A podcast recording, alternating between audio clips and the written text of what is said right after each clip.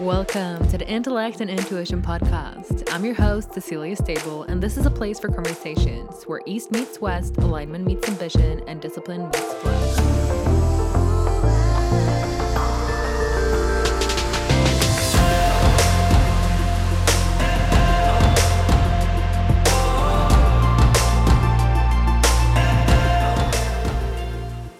Hello, Soul Tribe! I'm so excited to introduce you to Murray Ash, a psychotherapist, writer, and founder of The Few, a community for courageous souls on the adventure to finding purpose. Murray has been investigating self growth and the journey to finding purpose for many years and through many different endeavors. He's balanced out his psychology training with spiritual teachings and Eastern philosophies.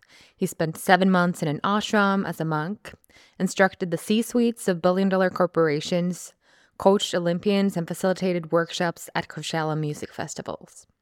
Expect to learn how to find your purpose, what to do when that purpose changes, how your childhood trauma might be impacting your life today, and what you can do to work through it.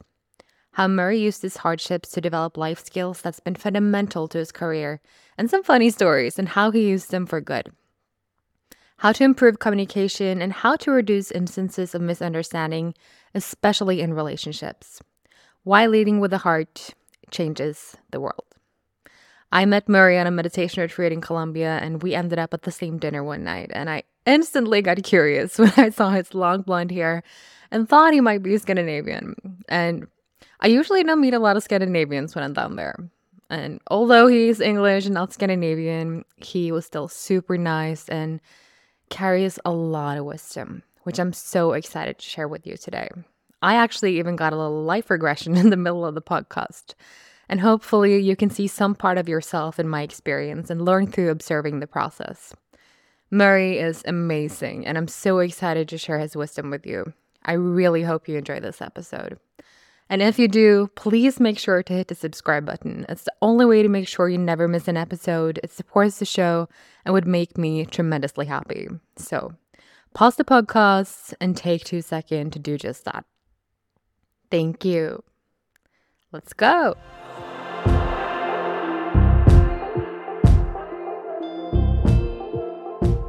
I know you're on the path of finding purpose and the path within, like I am as well. And so many people live their life completely out of touch with their purpose. So I'm wondering what led you to get curious about your purpose and how that led you to where you are today. If we could map out your journey a little bit so the listeners can get to know you. Yeah, for sure. So um, I actually came from a pretty interesting family. My mum was a master, had masters of psychology. So she was Mm. very much in that scientific direction. And as soon as she finished her degree, she went into homeopathy. So she basically became a, a certified homeopath, went in the naturalistic doctor direction. Oh wow, that's a really cool combo. I love that. She has like the very scientific psychology and then she's going into homeopathy. Amazing. So that mix for me growing up, I'm a pretty skeptical guy. I studied science at university, but it gave me a little bit of a, a hint of what else is out there. What more could I go into? Mm. What more can I lean on? And yeah, as soon as I'd finished what we call college sixth form in, in the UK, I'd studied psychology and sociology. I basically booked a, a ticket to Thailand just last minute, wanted to check it out. And that trip, for some reason, just engaged me into the world and how much bigger it is than we realize. So after that, I, I, I went back, applied for university.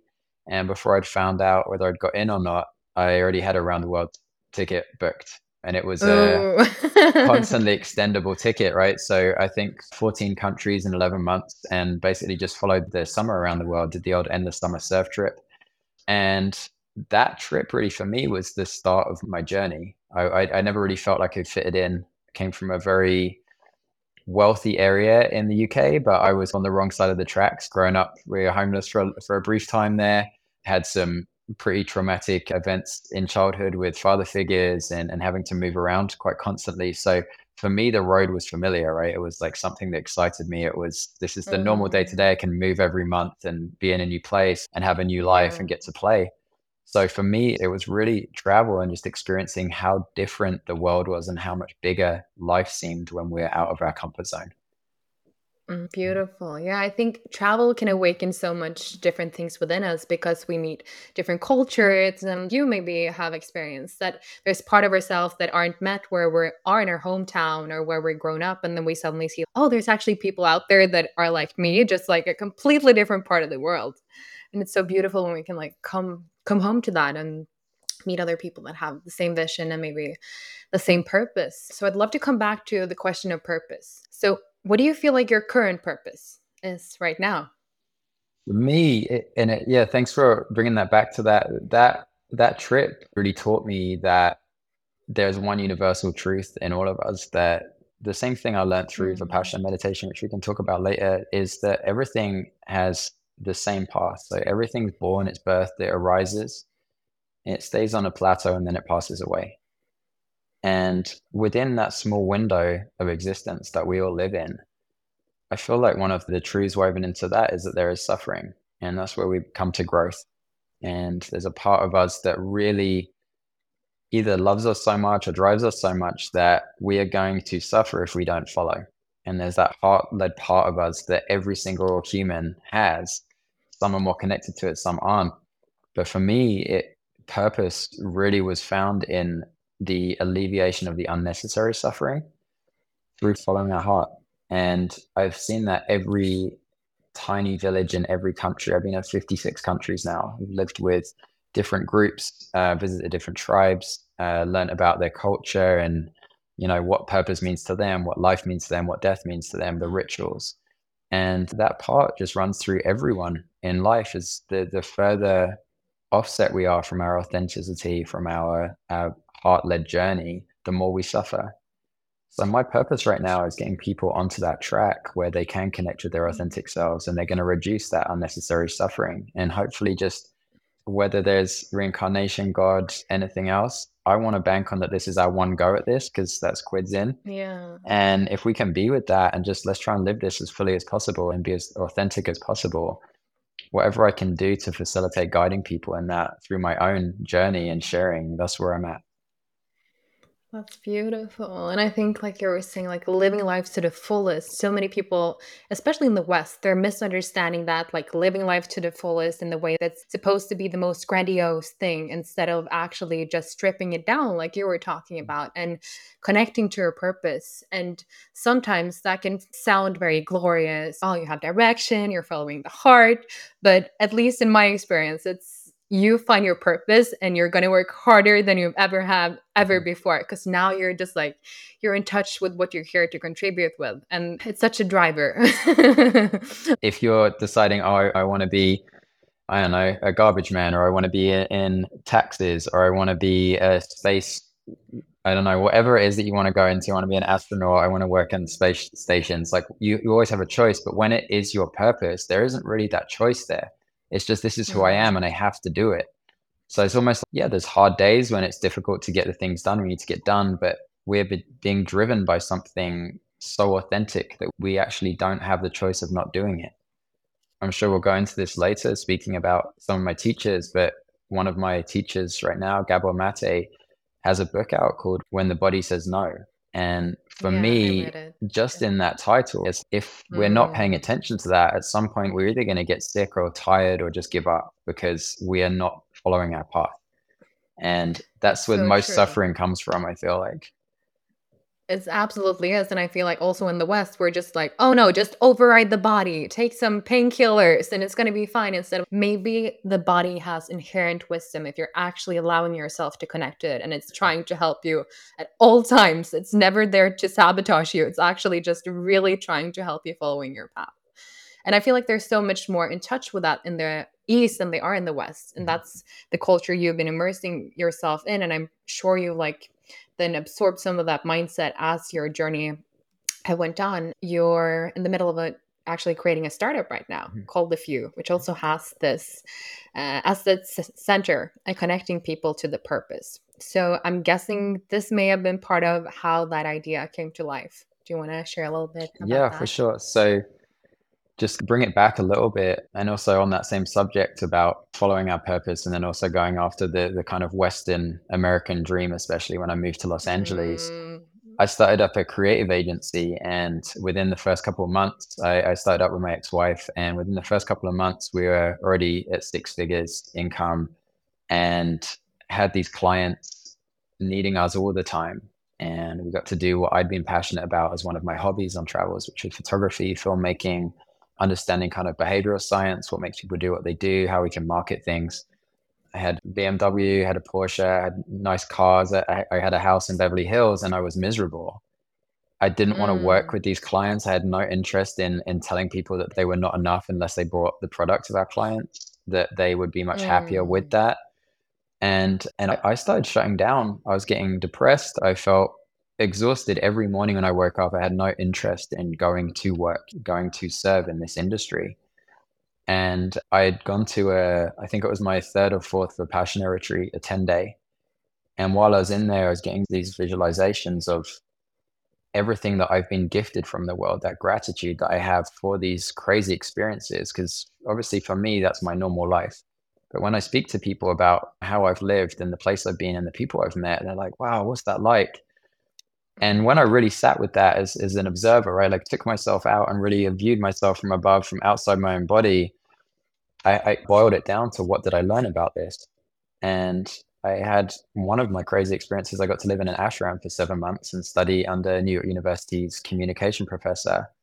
And what that taught me was that every single aspect, even down to the clothes we wear, the seat at the table we sit down at when we have choices, is a form of communication. And we're always sharing a mm. part of ourselves. So, what's breaking down that communication with the world is in my experience, not knowing who we really are. So, how do we do that? I came to the conclusion there's a few ways in. We can go through meditation, we can go through therapy, we can go through group healing, and go through psychedelics. But what's preventing people from getting to that? And it's pretty inaccessible for most of the world. For like 95% of the world, people can't afford therapy. They don't know how to find a therapist. There's not people accessible in their region, whether it be like education purposes or linguistics. So I came up with this idea. And I say I came up with it. It was just given to me. It's not like a, I, I'm a genius. I have mm. no idea. I know nothing. These things just come up for me. That will create a system where we, yeah, it's from source, right? And we can actually financially incentivize people to learn. Not that they have to pay for this, but we figured out a way that we can actually give people money, give them the ability to earn fiat currency for learning about themselves. And we're going oh, to also be able to give back to the world in terms of data that we're going to get from those experiences. And I met you with on Dispenza's course, and the biggest yeah, study yeah. that he'd done was 950 something people for meditation. And I realized that if we have this as a, a global app, one part of this, one aspect of this is going to be meditation workshops. And if we can partner up with the partners we've been speaking to, we can harvest millions of data points all at the same time mm. and give the world mm. something that hasn't been given yet all while rewarding people for doing it. So it's, it's win on every side, right? I want to turn this late stage capitalism into something that's actually giving back to the world and giving back to the individual and liberating mm. people. So our, our platform is therapy, it's meditation, it's self work, it's huge on community. And the whole aspect, coming back to why that came from living in the ashram, was that experience of basically living as a monk is that to reduce mm. our ego is we have to rely on the generosity of those who came before us. So yeah. to do that, we have to be with, we have all our choices taken away of who we are, our name, where we live, what we eat.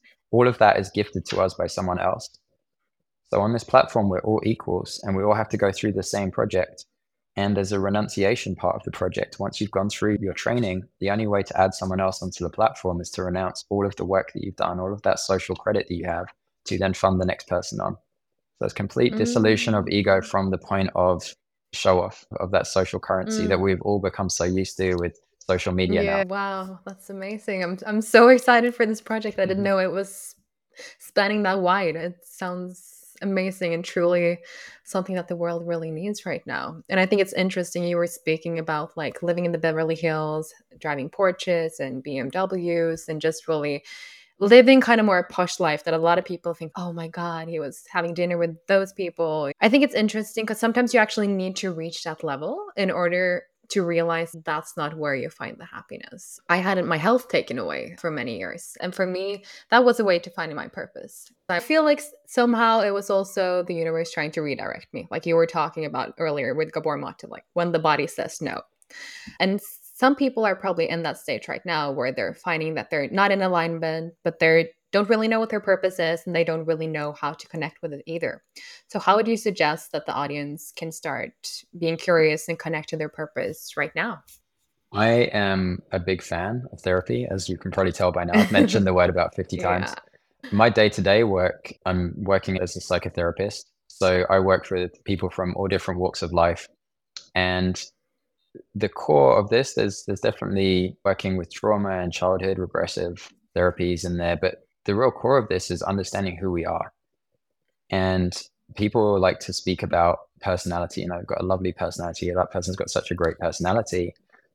But what I'm learning through this whole process is the personality are really just adaptations of our behaviors that we had to form to be accepted by our caregivers. Mm. So when we look at that and people are like, what is it you love about this person? They're not that good looking, but I love their personality, just lovely personality, or this is such a generous person, or this is such a, a humble person. Most people have no idea who they really are. And that's just an act they mm. put on. It's like first date time, we show up as our representative. Who really are we? It's going to take a lifetime to know. But those clients that show up every week because they just want to know a little bit more about who they are, stripping off those layers because we are who we are at our core. But we've developed so many different tactics to show the world what we think they need to see so we'll be accepted, so that we'll be understood, that we will be safe. For me, coming to that purpose, the easiest way is to start finding out who we aren't. And some people spend a lifetime doing that and they'll try everything. Mm. That was our path, right? We both tried something, thought we did the thing that we should do, found out there was completely miserable and disconnected from who we are. and it's fuck. Now I start off on, on back on square one. Now I'm actually further. I was further away from square one. I was like minus 10 and now I'm up to square one. So I can start going forward. And that's the only way I've found that. I think doing, yeah, doing 10 day meditation retreats are great as well, just to connect with those emotions and feelings. But without a guide, without even in plant medicine, it's important to have a guide that's going to guide you through and be able to interpret these so we can figure out what's really going on inside. That's probably some direction I'm going to go into once I finish this course that I'm on right now. But yeah, that would be my kind of long answer short is go into therapy, find a guide for yourself that works with you. That's not everyone's going to work for everyone, but find out, start looking at who you're not. And sooner or later, who you are is going to be revealed to you. Mm, that's beautiful. And I think so many people spend their life actually running away from who they might be because they're too afraid to sit with those feelings inside, maybe because they deep down they know that the life they're living isn't necessarily in resonance with or in alignment where where their path is leading them but all of these outside forces like you were touching upon are telling them they need to be someone or they need to they feel like they need to accommodate to that in some kind of way. And i feel that like you've been traveling so much as well i've been as well the past few years and sometimes it can really help to get out of those familiar patterns where you see the people that are reinforcing your identity and the beliefs. You really feel like you need to reinforce and they're just reflecting the same person back to you when you see them. Mm. um, so i'm also wondering what we can do when because our purpose are sometimes going to change throughout our life. Do you what, what do we do when that happens? I always see that as a growth right? I think that there's probably going to be an underlying part of us formed either in our childhood or even down to the point of in the womb? What was that situation like for our mom while we are in utero? What sort of hormones were in there? What was that stress situation? How did we adapt mm. to that? This work on epigenetics is fascinating right now that the genes don't mm. change as they're handed down, but our reaction, our response to those genes, they change. So I think that there's always going to be, I'm working with 40 different therapists right now, and we're all taking it in turns to be therapist, client, observer, and, and get to really test this stuff out on ourselves. And I think what's really interesting in that is why are we all showing up? What's the commonality of every therapist, every practitioner, every psychologist? What is the kind of underlying current in that that we all have? And we've all had this trauma in childhood where we've needed to understand how to heal. So it's that mm. saying, right? We teach what we need to learn. I don't necessarily know that our purpose is going to change, but I do know that there are certain routes we can take to fulfill that purpose, but it's always based on who we are. I think there's a, a big part, Sat Dharam, the other founder of the Course Compassion Inquiry that I do, naturalistic Dr. Yogini, and she speaks about Buddha, about how our mind shapes the world. But before that, the world shapes who we are. So we're informed by the world of who we are from our childhood. And then we get to look at how that affects the world, how we show up in the world. Somebody that's had a very stressful life, for example, is going to see the world as a very dangerous, stressful place. Mm. And their purpose is probably going to be something around finding safety and creating safety for others. If they're in a compassion state, if they're a much more reduced state, they're probably just going to figure out a way to do something safe, do something very linear, something very planned out, work in an office that's very like easily follow step one, step two, step three. Mm. And then there's people that are going to be in their like dorsal state where they're completely shut down. They're going to want to do a job that they can do from bed, sit down, maybe edit something on the computer. And there's people that are going to be in their ventral state that have had a less big T trauma or more connection to their caregivers, more feedback from the world, who are going to create from that place of abundance. And I think all of those aspects are going to shape what our purpose is, right? So if it does adapt, it's going to be that we we're leveling up from completing the stage of that. Maybe I will no mm. longer have this need to heal at some point, and I'll no longer need to heal others. So maybe that will change my direction. But I think we're all informed by our childhood. We're all informed by the world of, of what we grew up in. It's true. And I think we're always peeling the onion. It's like, am I ever going to be done with this healing? And mm-hmm. it's like, whenever we're leveling up in life, we're always going to meet new challenges, always going to have new layers and meeting new sides of ourselves, maybe seeing new reflections of ourselves in other people. Mm-hmm. So, always just having practices to come back to in order to do that work. I feel like it's really important and i know you do as well. But i want to get deeper into childhood and trauma like you were touching upon because i often find that also our prime gifts are usually expressed very early on in life but then a lot of us we end up suppressing them in order to please or accommodate or for a lot of people just simply to make money and get by. But so much comes back to our childhood both when we're trying to understand our purpose but also when we try to understand our limitations and our relationships and our patterns and like you were touching upon, you're currently studying under Dr. Gabor Mate, and he's an expert in trauma and addiction, stress, and especially childhood development. So I'm sure you've had some time to reflect upon your own upbringing and past as you're going through this training. And I know you went through some rough times in your childhood with death threats and brief times of homelessness that you touched upon in the beginning. And I'm guessing that was probably very traumatic for young Murray. And those early years, they're so formative. So I'm wondering, how do you feel like those experiences have been formative to you in your life? And do you see any specific patterns emerging from that? Yeah, for sure. I think that I've longed to create that. I guess it would be a stability and foundation in myself. My greatest teacher has actually been the ocean. So I started surfing the same mm. year my dad passed away. And I figured out that there's this kind of autodidactic gift in the world that if we throw ourselves into anything fully, we can't help but learn from it. I've learned everything about perseverance, danger, stress, beauty, love, compassion, everything I needed from the ocean. It's taught me about that. And I think we have all these beautiful teachers through life. And for me to have gone through those times in my childhood when also to be compassionate that my parents, my, my step parents, my guardians at times, recognizing they were a very common thing to hear, but that they were doing the best that they could do. Mm. To see that those parts that they missed out on are parts that I can then heal in myself and I can also show up with in the world for my clients, for my friends, for my family, for my loved ones. That's the the overall answer to your question is really just to look at your teachers in the world and the other great thing for me, I, I love a relationship and I'm I have been in and out of plenty of those.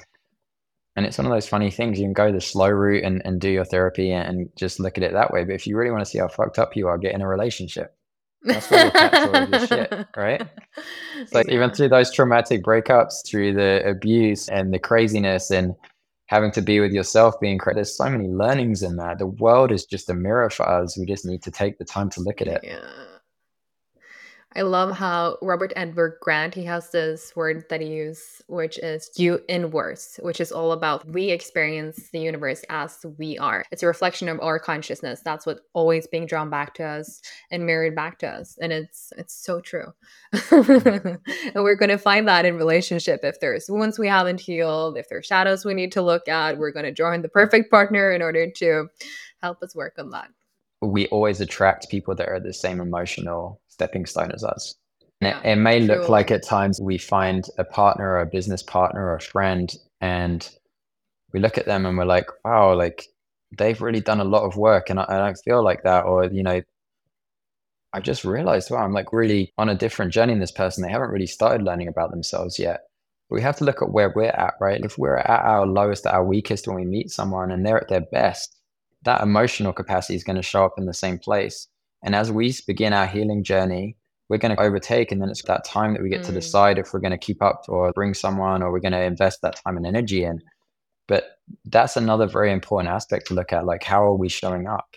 How am I showing up in the morning with my clients when I wake up? Do they have a bad sleep? Am I able to get that energy back? Am I able to give my energy to people? And to start looking at life like that, if the answer is no to that, we don't show up and we're accountable for that. I think that's a really great way to to do our work, right? Yeah. Oh, wow. It's interesting. You were touching a little bit on big T and little t trauma, I mm-hmm. think. Mm-hmm. But when we hear the word trauma, it sounds like this really big word like you've experienced severe trauma in your life whereas i had a very pleasant childhood and did not have a lot of trauma or like big t trauma but obviously there were things that happened that might have created patterns later on in my life and limits my experience to some extent today so i'm wondering how do people know if they have childhood trauma and how that might be limiting their experience today? The quick answer is everyone's had childhood trauma. Yeah. trauma doesn't necessarily need to be like, yeah, a beating or some sexual abuse, right? It's also not about the actual thing that happened. This is something people get really caught up in. They think, oh, I got spanked really badly as a kid. It's actually about our response to that action, the activity that happened, and what we made it mean about ourselves. So when people, even using your words right there, I had a very happy childhood there's a fun game Gabor will play a lot of the time with clients is because it's a happy childhood game. And he's give me two minutes and and that game's finished. And it's really going back in. It's like calling people out. Say, okay, was there any drinking involved? And it goes through this list of questions. And it, it's always about not to be like, ah, oh, you, you had a shitty childhood, you should be with that. It's not about that at all.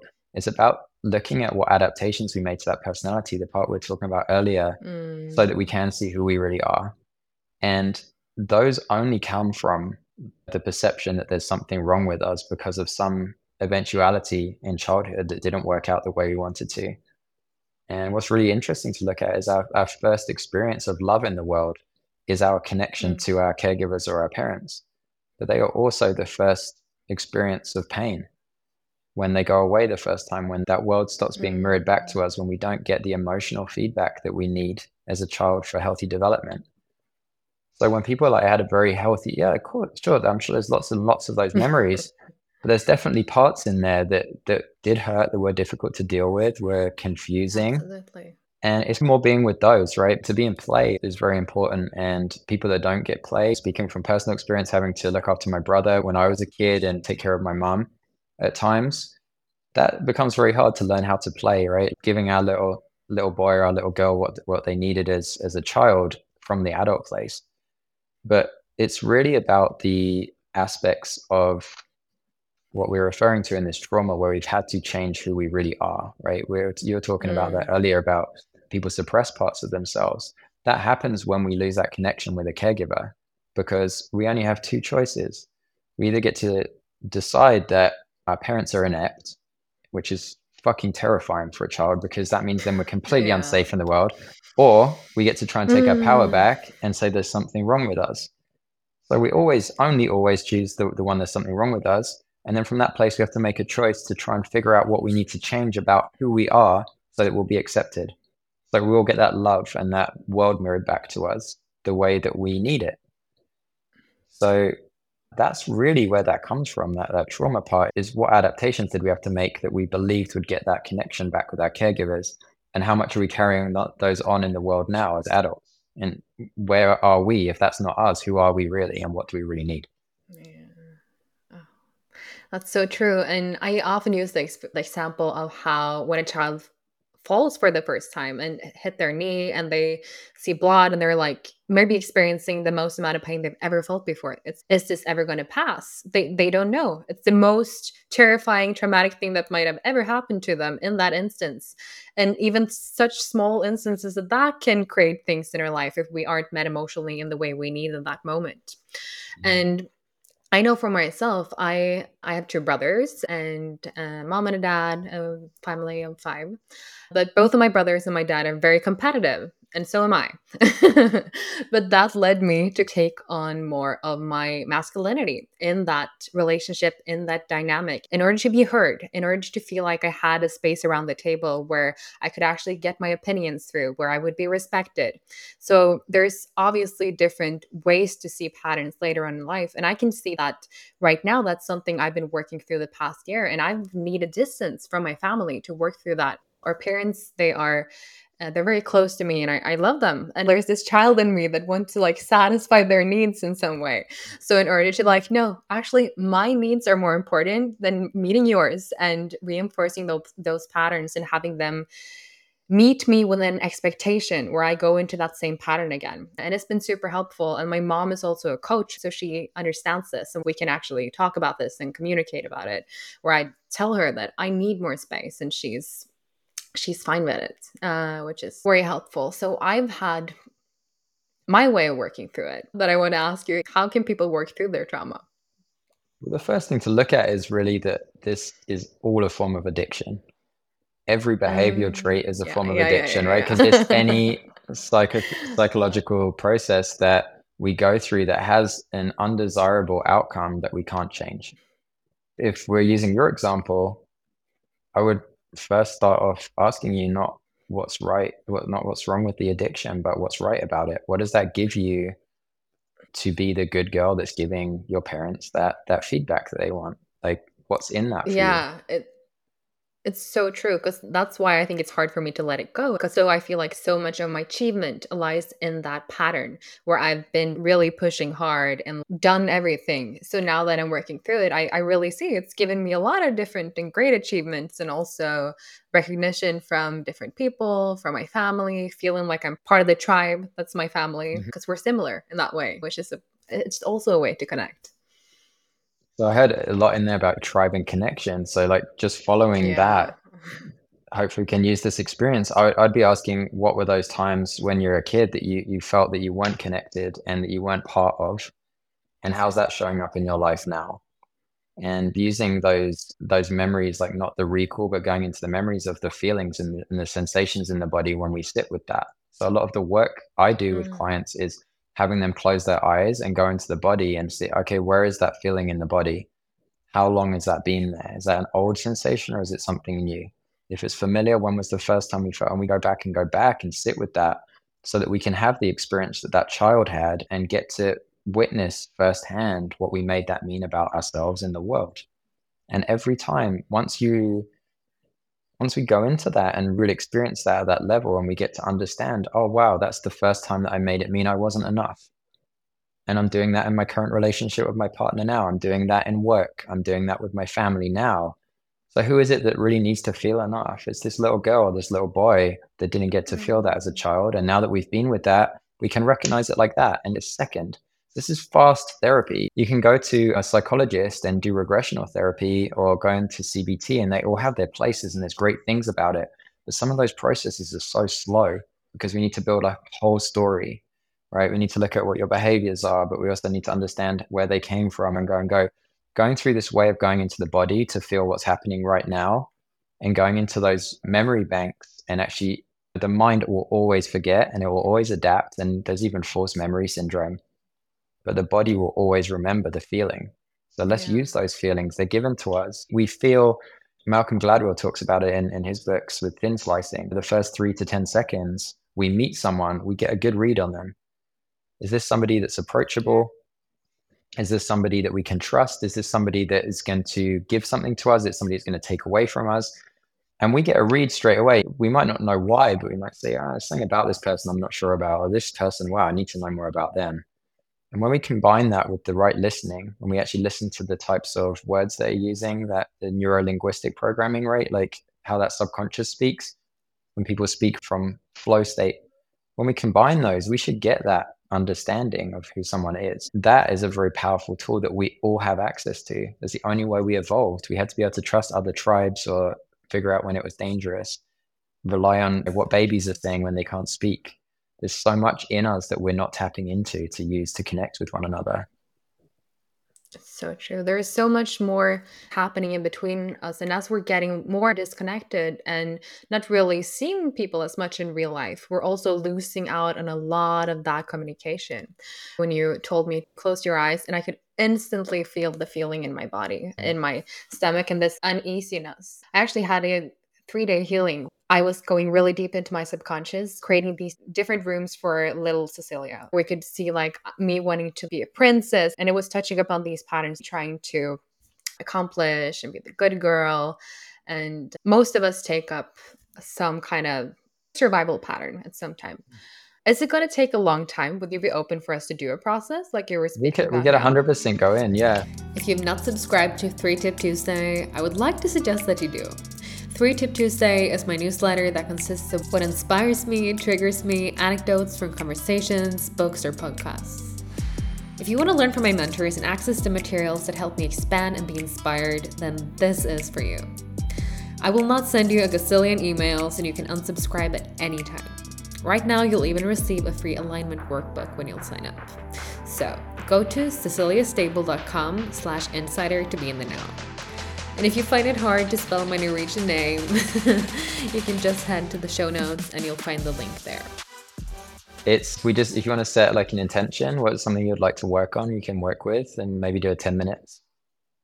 Mm-hmm. Perfect. Yeah. Yeah. We've spoken about this. We can take this pattern right now because I feel like that's something that keeps showing up in my life in the way that I keep pushing myself beyond my bandwidth and have a hard time with resting. Like, really leaning more into my femininity and realizing there's so much power in that in a different way and the subtleness and the softness.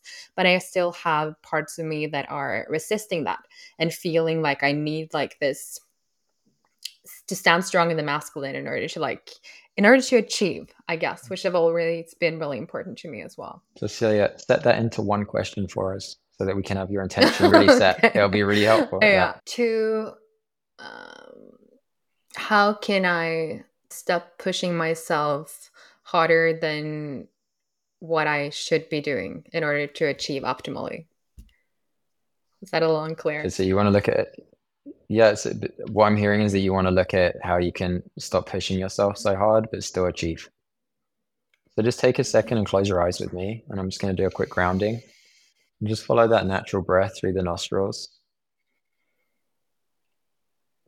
Just pay attention to that sensation of natural breath. And if it helps, take two or three deep intentional breaths just to bring your awareness to that area. Which nostril you're breathing through. It could be left, could be right, could be both. But just keep that attention on that one specific area, just at the top of the upper lip and the entryway to the nostril. Follow that breath into your face, into the throat and heart. Just begin energizing, meaning put your attention into the body. Follow that breath into the limbs, into your arms, down through your torso, down to your legs, into the floor. Feel the support of the chair underneath you and the floor under your feet. When you're feeling connected to the body, just take a second and feel into this pushing, into this forcing that you feel you have to do to be able to achieve. Recognize what the body's saying to you, how that's showing up in the body. And see if like there's any areas. An uneasiness in my stomach. In your stomach. Okay. Can yeah. you connect that to a feeling? Because uneasiness is a state. It feels like anxiety, but a little milder than that, not like very frenetic, just okay. more like feeling not at rest, mm. feeling, yeah, anxious. A sympathetic response, like a, a light anxiousness. Yeah. So just keep your focus on that area. So, yeah, is this a familiar feeling for you? Yeah. Take it back and stay with that sensation and just remember back to the first time you can remember feeling this. The sensation is getting a lot stronger, but I'm having trouble finding a memory. The memory is in the feeling, so don't try and find in your mind. Just stay with the feeling. If there's any point in this that this gets too difficult for you, just let me know. We can stop at any point. I also want to let you know when we talk on this, I I will be interrupting if there are any keywords that you use. So just let me know if that's okay with you to interrupt. Okay. Yeah, please do. So stay, stay with this feeling. Think back to a, a situation where somebody said or did something, something happened. You remember feeling this. I think it's actually when my when I was two, my brothers, they're almost exactly two years younger than I am. They're twins. Mm-hmm. And I had been used to being the only child getting all of the attention. Then suddenly there's two little boys that's demanding a lot of attention there. Mm-hmm. And just feeling like I needed to stand on my own in a way. I had been so deeply cared for, and suddenly there is someone else taking up my space in a way. And did you hear the phrasing you used there? I, I was so deeply cared for. And all of mm-hmm. a sudden, I was taken away. So be with that little girl for a second. Make some space for that experience of hers, that deep love and care. All of a sudden, is taken away. And two years old is the beginning of the, the hippocampus is just forming at that stage. And traumatic events that trigger stress hormones in our body actually block the development of that. So this is a pretty profound memory that you have to be able to remember the feeling at this age. So if you can picture that that two-year-old Cecilia there, so there was some excitement as well that these new family members were here, but the realization was there that love now had to be shared. It wasn't all going to be for you. Yeah. So make some space for her to show up and, and feel into how she felt at that time. And what did she need? She needed to be seen. She mm. she really liked to have the all the attention. Mm. And I remember being really tough on my little brothers when we were children. Mm. They were, as a lot of younger siblings do, really looking up to me while I was just resisting their love. I didn't want it. I didn't want to be part of that and being harsh towards them often. If you look at that state of being harsh, what did you have to change? What did though Cecilia make that mean that this love was now being taken away, that she had to change? What did she make that mean about herself? That this love that had been showing up unconditionally was all of a sudden changing. That I was on my own and I got really independent really fast. Mm-hmm. And what does that mean for you to be independent? That I am the only one I can rely on that there's not going to be anyone else there that can support me or yeah. What's happening in the body now to be with that that you're the only one you can rely on? No one's there for you. I'm having like glitches of light mm-hmm. going really fast towards my, over my eyes. Check and in I with your breathing like the, yeah the emotion is moving from the stomach up towards the throat and how does the throat feel, if you could say that as a feeling? It feels tight. Or do you mean like in a feeling? That's good enough. Tightness is a feeling, heaviness is a feeling. So there's some block, right, from you connecting to this feeling that's coming up to your throat for you to express. If that feeling had a voice, what would it say? It feels like it's. I'm trying to find the word in English when something is rotting Decay. You know what I'm saying? Rot, rot, rotting. Yeah, yeah, yeah. What's rotting? My throat. It feels like that when a when a tree is getting old, then it's just like rotting away. That's mm. how it's the visual is for me right now. So it's dying. Something's fading. Yeah. Just be with that sensation for a second. Just stay connected to the body and see what's going on in there. Your original intention was why do you have to push so hard? Do you remember what you asked? I have to push so hard for what? In order to be loved. What was your intention? What are the words you used? I have to push so hard for what? And have to push so hard for I don't remember. do you remember? I do. This is an important one, though. You need to record this. Yeah.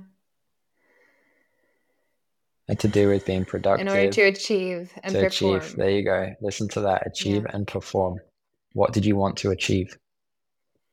I just always want to be the best. What, Whatever. is, what does that mean for you to be the best, though?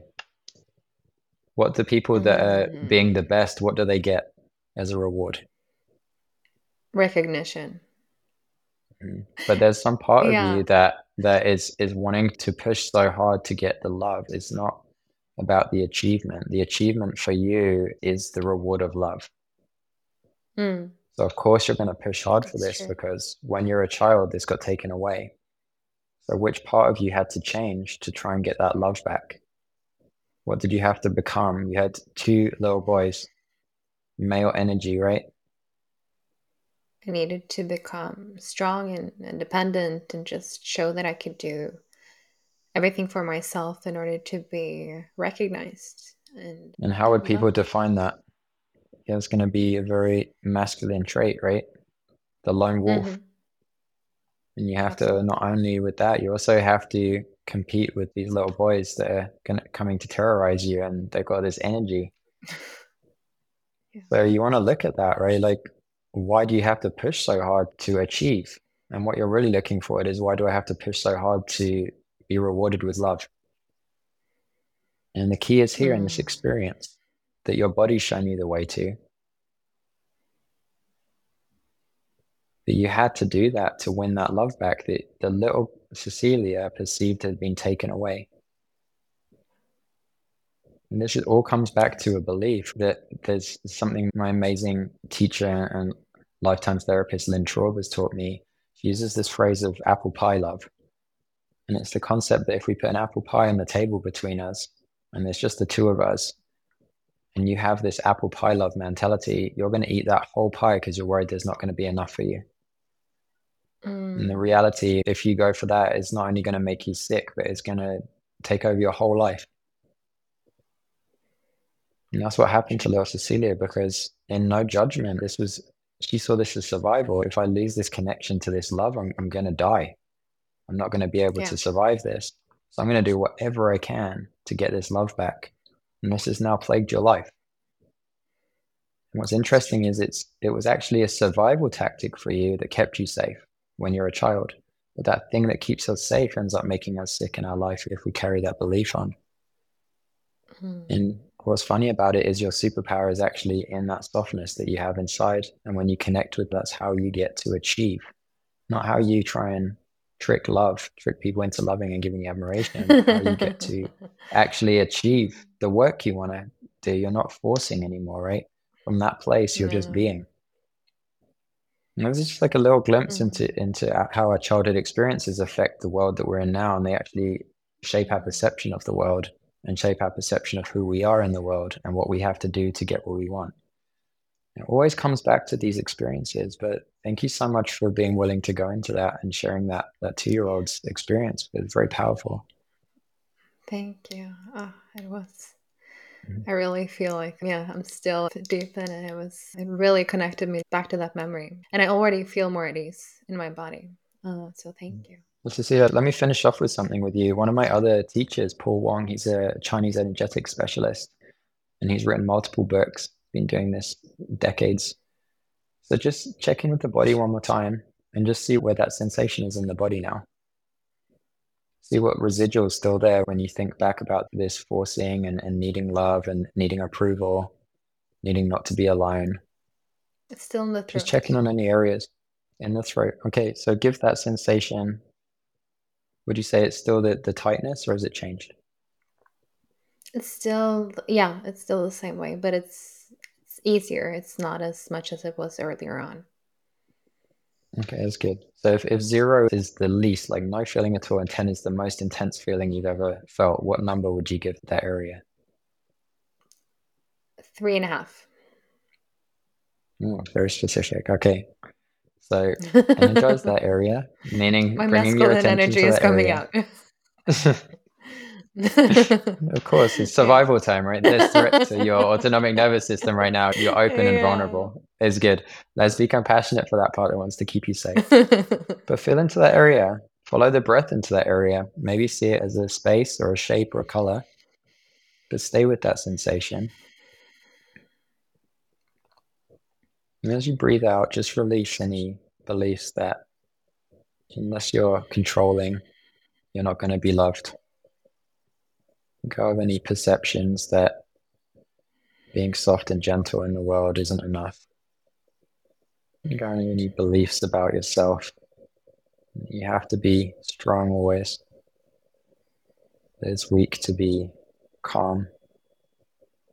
It's weak to be in flow. Go of any parts that want to hold on to control. Keep following that breath to that area. Go of any ways that perception would trick you into feeling that you have to be something to be accepted. Let go of not good enough. Let go of not enough. Let go of not loved. Keep following that breath into that area. So if you check in with that area right now, this is the very short part of this, but if you check in with that area, what number would you give that now?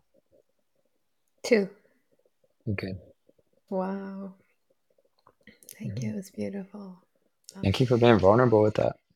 I think mm. another really key aspect of all this work that we're doing is I get to learn so much about myself through my clients because yeah the best analogy I've heard about it is if you can picture it like a sea creature and a shell, and it's grown so big that the shell is now completely tight around it, and it needs to keep growing, but it can't.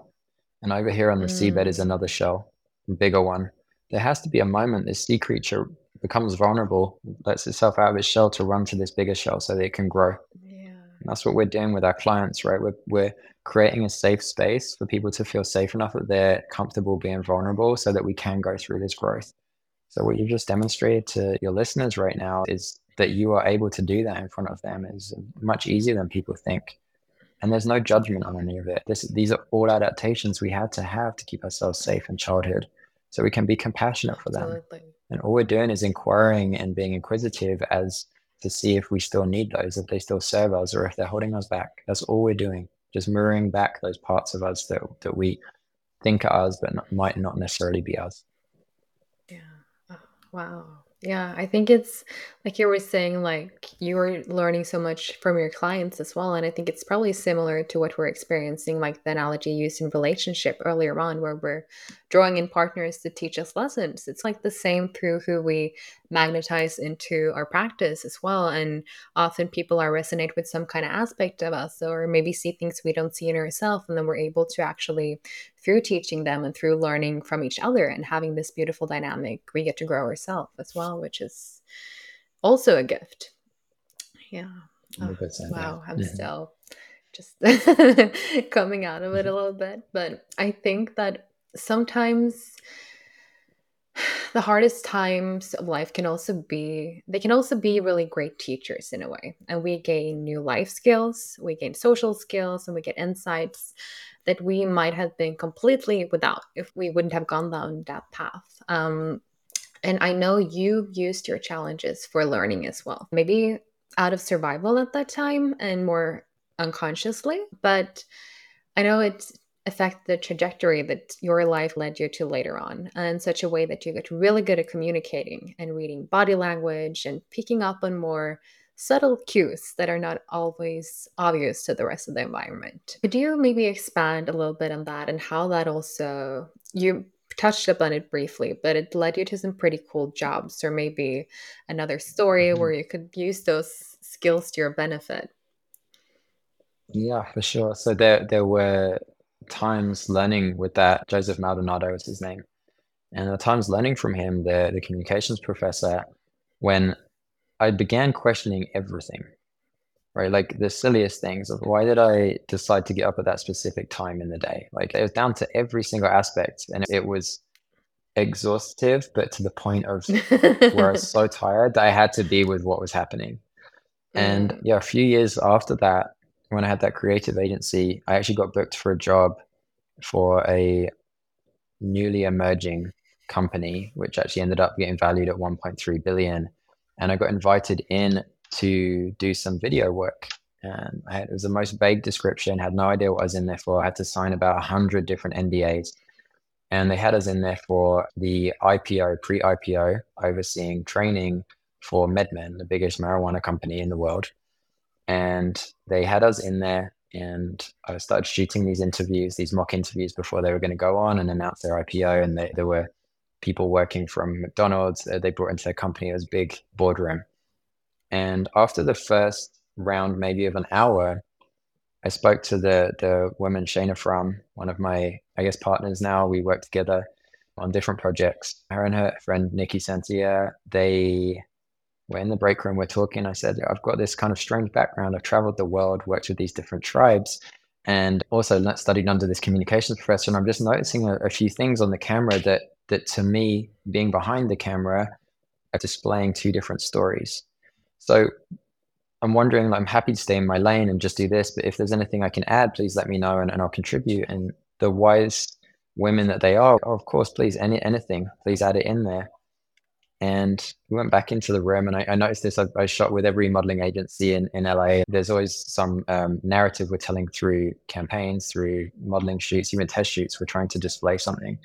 So, what goes on in the lens is very important. And as soon as we started talking, I noticed that the legal sheets we had from from these firms the briefings in the morning, the points we can talk about, the things we can't talk about, was new information for these people being on the camera.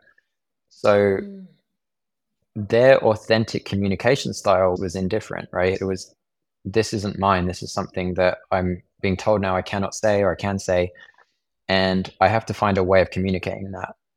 When we have information being delivered and our body language doesn't align with it, that built in part we were talking about earlier, how we show up whether we can trust or not trust, is completely triggered immediately. People, you see it on, on news interviews you can hear the briefing in someone, but their body language is saying the opposite. It's when someone says, yeah. Are you okay? They ask, How are you doing? Are you doing okay? And, and they're going, Yeah, I'm fine. And it's like their body is, their head shaking left to say no, but they're saying yes. And it's that's a very simple version. So I ended up getting sticky notes out and putting it on their feet where their nervous energy was. People that were speaking too quickly, I had them have their hand in, in their pocket and start sounding out the syllables with their finger, giving them all these tactics and trainings and it ended up leading to working with Team USA Olympians, Red Bull, like these huge corporations, like the biggest of the biggest, working with their C suites, public figures, celebrities, and just basically getting them to feel comfortable enough to show themselves whilst also giving the information that they needed to give. And I, I found it fascinating. And, and I think part of that came from the travel as well. It was being in these countries where I didn't speak the language at all, and I had to rely on that nonverbal communication what does this person want? We all want the same thing. We all want acceptance. We all want care. We all want to feel safe. And we also want to be seen. So, how are we saying that? And what visual cues are we giving one another to say that's appropriate? This is inappropriate. And we go through those. And to come back to a, a, another travel story after all of that training, going into a country where my passport was actually full and they didn't want to let me into the country because there was no space for my visa. it was oh, about 1.30 in the morning. I'd had about a 14 or 15 hour oh, flight. God. I was exhausted. And you know that just pissy mood you're in those times. You're just like, yeah, oh, yeah, fuck yeah. I just need a hotel. I need a bed. and I just made a decision at that point. I was like, I'm getting in this country and I'm going to be in bed in two hours. There's, I don't care what the fuck I have to do is going to happen. And I went up to this guy. This is a big problem, and I obviously I won't say which country it was because I, I may want to go back there at some time. But I realized this is just a human being on the other end of this. Yeah, there's a uniform, but I see straight through that there's this inner child that needs something, and he's wearing that uniform literally as a uniform of who this person is. So I started picking up on his body language, and I very quickly realized that there was it wasn't a push away language. It was a I need you to come to me and meet me where I'm at so that I can get you in and I will do what I need to do so that you can, I can get what I need from you. Very different than a, an antagonistic way. It, it was more of a very direct communicator telling me something that they needed. And it ended up being that I had eight or nine hundred dollars in my pocket because I was going into the country with cash. And I was just counting those out with my thumb like this in my pocket, just trying to work out which notes yeah. were which so that I could use that to get in. And it ended up becoming, yeah, there's this bribery situation where I relied on the intrinsic want to be seen of this person. And I was started out good cop. I'm so sorry that this has caused you trouble. I don't want to take up any time. Let me just call my office. I'll get them to get me a flight out tonight. I really don't want to have any of these problems to the point of him actually, I actually got up, grabbed my bags, walked out of his office and as if I was going to go get onto another plane. And he followed me out in front of everyone and ended up slipping money into his pocket right in front of everyone. So I was using all these different tactics, right, to uh-huh. trigger his shame and trigger his generosity and his care for other people and, and the apologies. If we can use these all the time through life, and it doesn't have to be a, a form of manipulation, it can be a form of connection to get where we want to go to. And I just wonder, coming back to your question about yourself, why do I have to push so hard to achieve? What would life look like if you showed up from this place of just how can I connect to achieve? How can I show up authentically yeah. with this person and show them myself and get that same outcome without having to force it? And that's really what we're learning in life is how to show ourselves regardless of the want of being accepted. If we can be with that and mm. this is who mm. I am, you either accept me or you don't, there is no want, there's no force. And I, I, really believe you even doing these podcasts and these interviews and doing the work you do and going to the Dispenza retreats and the meditations and the plant medicine, all of that is an aspect of you being with your authentic self and showing people mm-hmm. who you are. It takes a lot to speak on camera like this, and you're doing it. Yeah. And also, in order for us to express fully with others, we need to start coming back to ourselves and really accept the parts of ourselves that we might not be accepting, which is exactly why this work mm-hmm. is is so needed. But what you spoke about, I feel like sometimes trauma can sound like a very bad thing, but it's often this thing when we can take a hard experience and actually transmute it into some kind of positive thing where we learn new things, like you were doing on these communication things. I would love for us to get more into when you were living as a monk, because I'm sure you've got a different understanding of the mind after having so much time in stillness and a very different way of living for such a long time. Uh, could you share a little bit about your experience in that? Yeah. And I think that there's a concept of monks in society right now that's very common, which is the shaved head and the orange robes. As much as I've had these experiences of living the more authentic monk experience of the 10 or 20 days Vipassana, 14, 16 hours meditating in a pitch black cell, no communication with the outside world. What it really means to me to live as a monk is to rely on that generosity of those that came before us and to work on dissolving the ego through that so to be with that somebody else's work and commitment and dedication to uncovering themselves is what's funding and feeding you. That's a huge generosity pill to, to swallow and a, a huge gratitude pill to swallow. And I think that it's something personally, I feel like we should be teaching in schools. We should be teaching as a form of edutainment to adults in the workplace. And whether you want to see it as mindfulness or mindlessness, that that aspect, I'm really happy that you brought it to that place of the mental, right? People think meditation is about spiritual. No, it's about guiding that mm. mental process to block everything and staying completely in this present moment so that we can really be with what's actually happening now.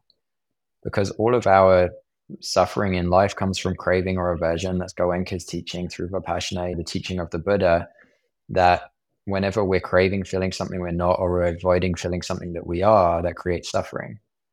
But whenever we just observe the current situation as we are, and coming back to that first point that we had of everything is birthed and born into the world, it exists and then it passes away. That's the universal truth. The same can be said for feelings, emotions, sensations. So, this practice of observing the body, observing how we're feeling, oh, there's some pain right here in my chest. The first thing we want to do in, in modern life is I should change, I should move, I should get a massage or mm-hmm. do something. Yeah. But that, that's just creating that, that aversion. Um, I want to avoid this pain. And it all comes back full circle with the, the trauma work I'm doing, right? Is let's sit with that pain and hold it. And as an adult, we have that intrinsic to our being that we can heal those parts of ourselves that we needed to be healed when we were children through that trauma that we needed through our caregivers that we can no longer get from them is built into us so that we can heal this. And all that takes is that holding of that pain. But it's very scary because so- we're never taught to hold it. We're never taught to hold pain. So what does that mean? We're just used to running away from it. There's something wrong instead of actually realizing that the way to alchemize is it's sitting with it. And I've been in those patterns before as well, where I'm like, oh, I feel uneasy in my body. I'm just gonna uh, do a workout, or I'm gonna maybe turn on some music, try to distract yourself. And after I had my first, it wasn't my first uh, Joe retreat actually. I had been on previous meditation retreats prior. As I was sitting in meditation before that retreat, I was sitting in a lot of despair and sadness and depression and just feeling very disconnected. But what I was was just truly connected to my sorrow. I just didn't realize it at that mm-hmm. moment. And that's what's needed often to alchemize it. So after that retreat, I actually stopped all of my subscription services and um, just committed to meditating at least three hours a day uh, to really whenever i found myself in that pattern where i wanted to distract myself no, no you're going to sit with this you're going to come back to this um, and i had a very powerful experience in june where i woke up one morning feeling really angry and i could see myself projecting that an- anger towards another person and normally I would just, okay, let's do a kickboxing workout. Let's just get rid of all of these anger. Uh, but instead, I was like, you know what? No, I'm just going to sit with this. And instead, I'm going to project this anger onto myself, feel into my body. Where am I projecting this from? Where am I feeling this? And I had one of the most mystical meditations I've ever had where I connected to a different past life in each chakra. And sometimes I have these meditations where you feel like you come out of the meditation and you step into another reality. And that's what I felt like instant upgrade as I met that part of myself and actually took responsibility for myself instead of projecting it onto someone else. And I think oftentimes we can even go days or weeks or months just rejecting something that just needs to be held maybe for even a minute in order for it to alchemize. And that's the power of that is just. I wish more people knew because it's so simple, yeah. but often so hard for us to just sit with it so that aspect that you just spoke about, the wishing more people knew, that's why my project is called The Few. It's very loosely based yeah. on a, a, Winston Churchill quote of, and I'm going to paraphrase, but it never have so few done so much for so many. And it's reliant on the mm-hmm. few becoming the many, the few who are willing to do this work, to go and investigate themselves, to make that whole quote that's been put on fridge magnets and everything be the change that you want to see in the world. And do the work. Let, let, let's make that change within first. And the few that do that will inspire the, the many to do that also. But this is why this communal is so important. This is why I love doing things like this podcast. Even if we get through to one person, that's one more person. And that one person may get through to another person, right? It's just being that every day as much as possible. And I have bad days. I have days when my ego's up and I mess up, rude to someone, I don't show up. But every day, the quicker I bring that realization back to, hey, that was something we need to watch. Let's stay on that. We've won a small battle again. Same thing in in Vipassana meditation or even anapana meditation. Every time our mind wanders and we bring it back to that sensation of the breath, we're back again. We've won another small battle. And you win those small battles enough times, you win the war. And that's what we're in right now, right? There's global war going on. There's wars within the, each other. There's wars within countries. There's wars between countries and it's all coming from a place of just not feeling enough in the world, that we need mm. to find this connection to something bigger. And it doesn't have to be a God-like figure. It just has to be a realization that we're all just the same people having the same experience through different modalities. And the more that we can understand that, the more that we'll find it harder and harder to hurt one another because we'll realize we're all just struggling the same. We're all doing the same thing. We're all doing the best we can and it is it's a really beautiful realization. A lot of people will see that as a scary there's no way we can do that. There's no way that's going to work. For me it's the only answer. What is the other mm. like we we end up in a nuclear war then that's also perfect. Then that's how we end this story of earth. Yeah. But while i'm here i want to do what i can to make that difference. Yeah Beautiful. And we need to have that compassion for ourselves in order to have it for others. Always. Only. Not, yeah. yeah. And that's what is lacking. So, actually, by what you're doing with if you're bringing people back to their purpose with this, that's how we're going to realize that we're all a part of this interconnectedness, which Oh, yeah, this new era is gonna it's it's rising, and often all of these structures need to collapse in order for us to have new pieces to create with, and that can look like terror as it's happening. Uh, but I truly believe in this new era that we're getting into as well, and we need people to lead that uh, and to lead with their heart because that's magnifying a completely different path. Um, I honestly feel like that's the most beautiful kind of summary of, of this. Mm. Whatever we're talking about today, if you could summarize like this talk, that's what we need to get to. Just yeah. heart led. That's it. That's how you rephrase mm. that. This talk was on leading from the heart. That's all we've communicated with one another right now. Yeah, hmm. it is. But it's interesting as well. You touched upon the ego, and I think sometimes we can we can talk of the ego as a bad thing, but I think it's also part of our personality lies within our ego. So, is there a way that we can embrace our ego in a way and actually use it uh, with purpose and for a purpose? Even within communication styles, we first thing first, we need an ego. There are multiple egos. Mm. Very basic way to look at it is parent child adult ego. And the child always wants something, it always needs to take. It's the child ego is the one that's I'm just going to have cake right now. It's just that's what I need that. the parent ego is the one that judges that. You eat cake, you're going to be fat or you're going to be unhealthy. That's you don't you haven't deserved that. You haven't earned it. The adult ego is the kind of more equanimous, to use the Vipassana terms, the middle way of okay, yeah, I'll eat the cake, but I'm I'm going to work out first, or I'm going to eat a meal first and have that as something at the end of the day. But we can recognize those when they're present in our communication, our day to day, and we can actually use them to understand our wants and our drives and our desires to check in.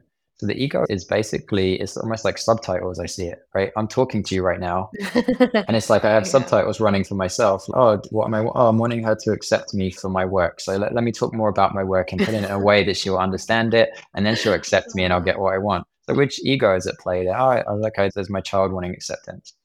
Okay, if I show up from my adult though, am I doing this selflessly because somebody listening to this may get some help from this? Okay, how would I answer the question from that place? So we can use these egos to drive us and we need them. And our, our egos only want is to keep us safe. It, that's, that's, yeah. the, that's the only thing it needs, right? So it can also get us out of very dangerous situations. It can get us into situations we should be in when we're in bad situations. There's a million uses for it, but it, it's like that saying about do you want to use this as a tool or do you want to be used as a tool? And if mm. we're not mm. aware of the ego and, and how it's at play and what our wants and desires are, it will just run amok with us and we'll operate only from that space. And there's nothing more unattractive than seeing an adult acting as a child. I saw that so eye roll. yeah, I think yeah, we all had experiences like that. It's, it's interesting when someone is feeling yeah, like their survival is being threatened in some way. Again, coming back to the child, like they're not feeling they're being loved or they're being accepted, and then we can go back into our child if that's if that part of us is not healed, mm-hmm. uh, and we just need to start with awareness. But ego is part of the way we communicate as well. A lot of people they struggle with miscommunication, definitely in relationship. And I know you've been through a breakup this year, and although I'm sure it was hard at the time and maybe still is, unexpected changes like that often lead to deep self realization and changes in our path. So I'm wondering what you've learned through the unfolding of that relationship. Yeah. how that's impacted where you are today. Yeah, I've learned a ton about myself through that experience. And even reflecting on feelings and sensations whilst in that, and even before at the beginning of that, we're not listening to parts of myself, showing up saying, hey, this is not the right person. This is not the right time. Mm this is not the right direction to go in and forsaking those higher parts of myself because of the suffering I was in. When I got into this relationship, it was weeks after my younger brother had passed away. And I recognized that I I put up with without getting too personal in things, but I put up with more than I should have for the for the not having to be with that pain of of losing my brother. And there's abuse on mm. my behalf for doing that, right? There was as much as I was honest in conveying that, me sticking around and showing up for that, there was that's an abusive tendency to have because I'm then using someone to feel a part of me that I am not feeling for myself. And mm. when we go through these situations, uh, I have to be 100% accountable for my half. When we go through breakups, there's 50 50, but we're both 100% accountable for our 50%. And I'm, I'm sure she's learned beautiful lessons through this. And there's always that sadness, right? Of, of I think Ram Dass put it that grief is the realization of a broken dream. So it's that concept mm. of, oh, this could be something. But what I've really realized that my big takeaway from this is that there really are no reasons to to miss love if both people are willing to work on it. And it's like that that that concept we had when somebody's at their lowest and the other person's at their highest, their emotional body may be meeting here, but as people get back to equilibrium, that emotional part is it becomes very difficult and it can alienate and bring up fears and traumas. But if people are both willing to be supportive and accept their partner for where they're at and then grow together, I really don't think there's any relationship that can't work. So it's really down to a question of commitment and how the ego shows up in that, how strong it shows up in that, and which ego is showing up. If, if we create the dynamic of parent child where somebody's craving uh, attention or affection that they weren't getting as a child, and the other person had to learn to be a caregiver or uh, too early, they'll fall into that parent, which means one person's becoming judgmental, the other person's becoming fearful, and that sexual desire and attraction will go away. That meeting mm-hmm. at the place of two adults being able to have a healthy conversation goes away. We, we lose everything to the ego when we're not aware of it. And it can be very quick to happen. So I think answering your question, when that ego does show up, if we're aware of it and we're both agree in an agreement, right? That's where a relationship is an agreement that we're going to continue growing together and working on our own mm. parts so that we can show up for the relationship. There really isn't any relationship that can't work. It's really just down to how much do you want it. Yeah. So do you feel like we should be working harder to make things work? I don't think anyone should do anything that they don't want to do. Yeah, I, I really think that there, there's anytime there's a should, speaking of egos, that's that parent voice again, right? Showing up, you should be doing this, you should be better, you mm, should be mm, quieter, yeah. you should be stronger. But there's always the chance to continue working. And I think being able to accept the other's flaws and look at how what we're making that mean about ourselves based on our childhood trauma gives us that opportunity to grow and that's why mm. relationships are the quickest way to grow. They're also the most painful, the most revealing. And that's why I, have been in relationships so much in my life, right? Whether it's been with the form of a teacher student or whether it's been with a romantic partner or even from a place of nature to a human having this experience here, it's always been about that. It's always been about what's the quickest way for me to see myself? What is the clearest mm. mirror, the most polished mirror? And I think that's it. I don't think there's any should in any of it. I think it's really we're going to do what we're going to do, but being with that we have the the ability to respond, right? That responsibility being the ability to respond from our adult. And if we can be in that, there's no challenge that's going to come up that is not is not possible to resolve. Not that it has to be, but there's a possibility there always. Mm. We need to start with accountability and just really, yeah, mm-hmm. meeting meeting each other like that. Ugh. I think we can use every challenge, every unexpected bump in our path to strengthen us instead of break us down. When we can find the key to true resilience, because I think that's what it is. Because there will always be unexpected challenges in our path. And when we can actually face them head on rather than getting afraid or distracted or discouraged, then I, I think that's the best armor of all especially when we combine that with listening to the heart while using our mind and realigning as we walk our path, which you're constantly doing with your work. It's just deep appreciation and thank you so much for letting us tap into your wisdom today. Uh, there were so many nuggets and actionable steps, and I even got a little session in the middle of all of this. I'm super grateful. So much for having me, and thanks for facilitating this for the greater good. It's very much appreciated, and for you showing up for this vulnerability and just questioning. I really appreciate people taking time to question what's really out there for them. So thank you. Thank you. Thank you for tuning in. and don't forget that you might be listening but not subscribed, which means that you're going to miss episodes when they go live. And there's so many juicy conversations coming up that I think you'll want to stay in the loop on. So head to Apple Podcasts, Spotify, or wherever you're listening in and press the subscribe button. It really does support the show, helps me get better guests each week, and makes me very happy. Thank you so much. Lots of love from my heart to yours.